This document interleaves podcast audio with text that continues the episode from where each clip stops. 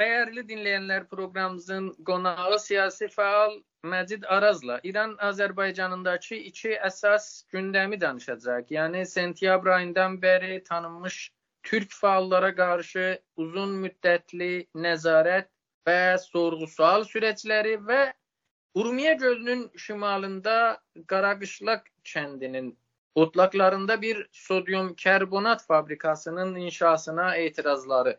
Məcid bəy, bu Qaraqışlaq kəndini danışaq, oradan başlayaq. Son günlərdə İran Azərbaycanında əslində ən önəmli gündəmdir. Çünki bəlkə siyasi fəalları daha çox siyasi məhfillərdə danışırlar, amma bu Qaraqışlaq kəndinin məsələsi elə bir baxma orada toplumda danışılmağa başladı.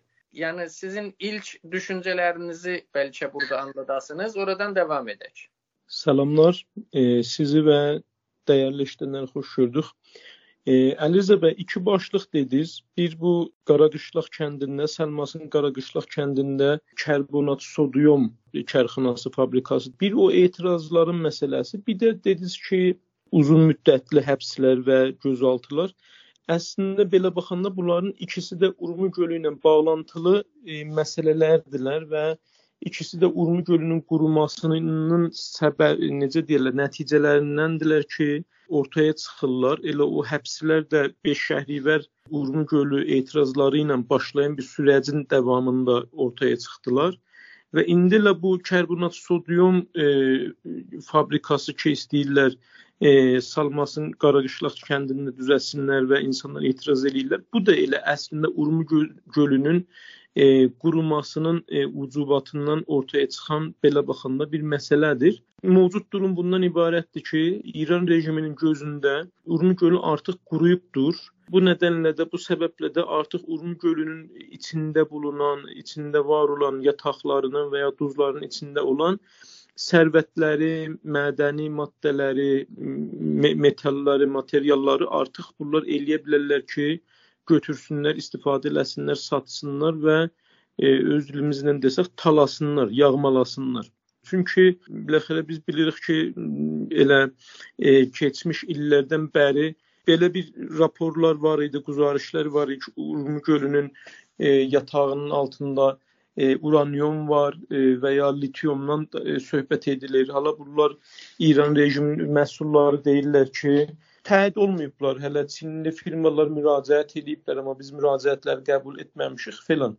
Amma karbonat sodyum e, uzun illərdən bəridir ki, ən azından biz bildiyimiz e, Marağanın kahve soda fabrikasında tolid olur və istifadə olur. İndi ki artıq da duz hər yanda quruyubdur və bol miqdarda var. Bunlar indi belə baxırlar ki, artıq biz eləyə bilərik bu ortaya çıxan bu duzlardan bu karbonat sodyumu daha çox istehsal eləyək, daha çox istifadə eləyək. İndi uranyum da olmasa, litium da olmasa ki, bəlli deyil, bəlkə də vardır. Əgər olmasa öz deyişləri ilə Çinli firma niyə gəlsin bunun müraciətini eləsin? Hətta var ki, Çinli firma müraciət edib. Amma məsələ budur ki, karbonat sodyum fabrikası çox-çox böyük bir ərazini, çevrəni tamamilə istifadə edilməz və ya, e, yaranmaz bir halə, yaratmaz bir halə salır. Macid bəy, çox böyük ərazi deyirsiniz. İndi o ərazidə ətraf mühitə, oranın suyuna, torpağına zərər vermək, zəhərləmək, çirkləndirmək o bir məsələ. Amma bir tərəfdən də o insanların ərazisidir bu əslində. Yəni o bölgələrdə Urmiya gölünün ətrafı olsun və ya elə başqa kəndlər. Kəndlərin o ortaq yerləri, örüş dedikləri və ya Urmiya gölü ətrafında xüsusilə şimal tərəflərində Cəbəl deyirlər o sahil bölgələrə. Bunlar son illərdə elə çox bölgələrdə dövlət gəldi, bunları verdi bəzi fabriklərə, zavodlara.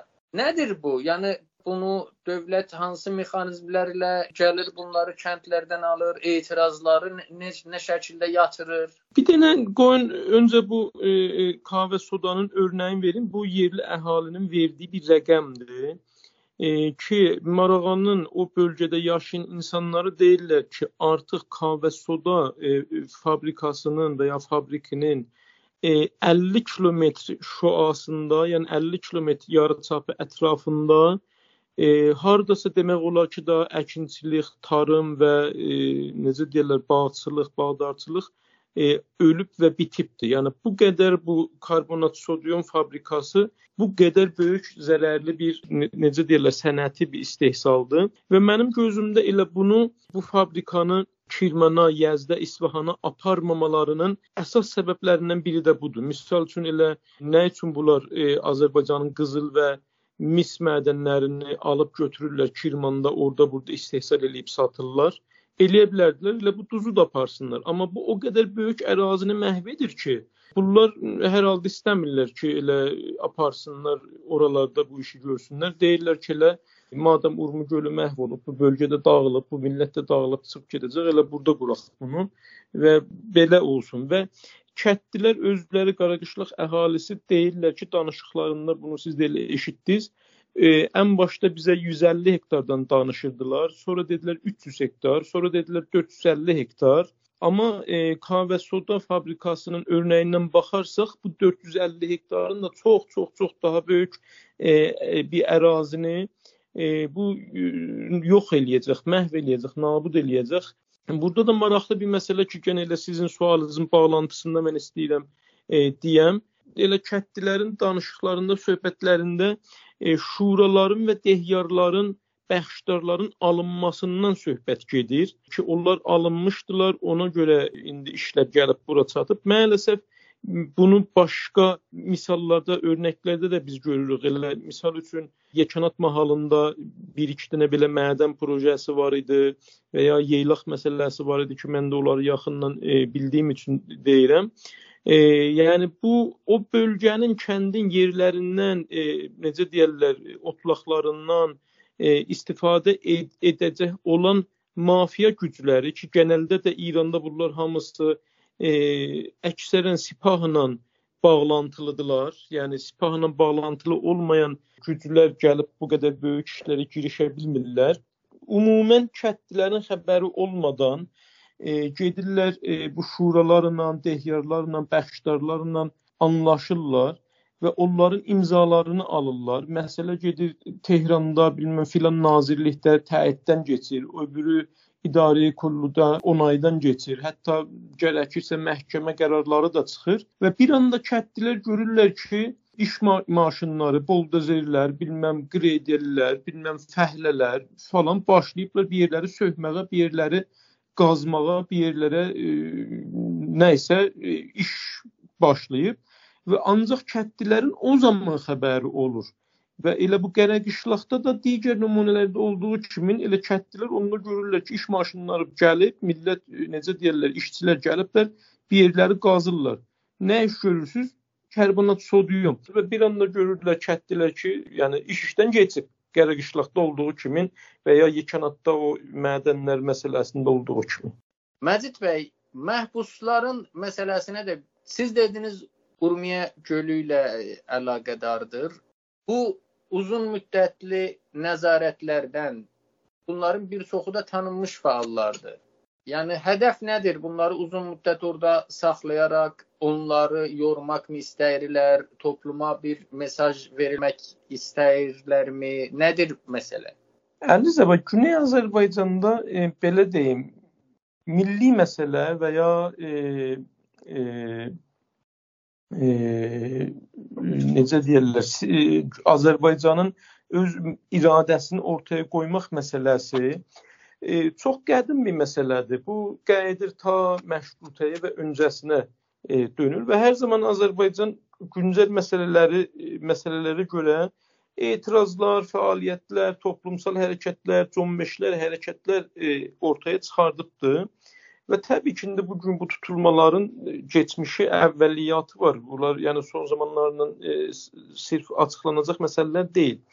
Amma e, düz indi bu gün Güney Azərbaycanda ana dili məsələsi var, iqtisadiyyat məsələsi var, siyasi azadlıqlar məsələsi var, e, sömürgəçilik məsələsi var, bir çox məsələ var. Amma bu gün Güney Azərbaycanın ən acil, ölümcül, həyati məsələsi e, Urmu gölü məsələsidir ki, Təbriz kimi bizim bizim üçün necə deyirlər də e, Güney Azərbaycanın hər şeyi olan Təbriz şəhərinin bəlkə də ölüm-qalım məsələsi ilə bağlantılı bir şeydir. E, ona görə mən dedim ki, bu Urmu gölü ilə bağlantılıdır bu tutuqlamalar. Təbii ki, bizim daha öncədən e, tutun gedin ta nə bilim e, e, Babək qalası olaylarından gedin ta e, firqəyə kimi, ta məşrutə hərəkatına kimi bizim hərəkatın keçmişi var. Amma bizim bu son zamanlarda tutulan e, fəallar ki, e, 90 gün, 100 gün içəridə həbsdə, infiradidə, təcriddə, işgəncə altında qaldılar və hala da qalanlar var, yeniləri tutulur. Hər gün yeni isimlər e, artırılır.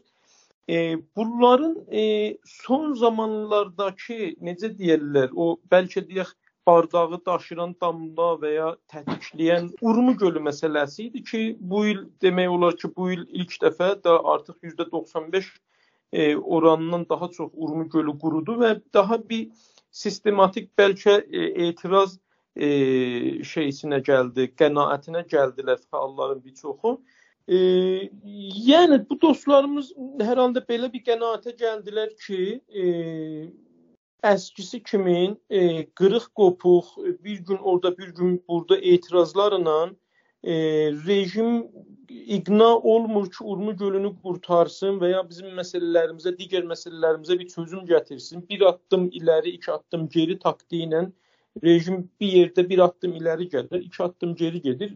Nəticədə biz e, bir irəliləmə görmürük işlərdə.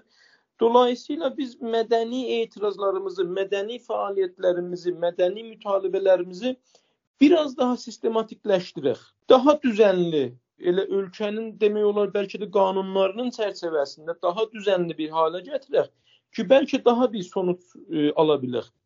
E, amma rejim gördük ki, e, yəni ən minimum e, necə deyirlər, mədəni təşəkküllənməyi belə qəbul etmir, e, necə deyirlər, e, təhəmmül eləmir e, və bu insanları e, aldı, içəriyə atdı, işgəncələrə məruz qoydu infiradilərə, təcridlərə, uzun müddətli həbslərə məruz qoydu. Bu səbəb bu idi məncə. Çox sağ olun Məcid bəy, təşəkkürlər müsahibə üçün. Siz sağ olun.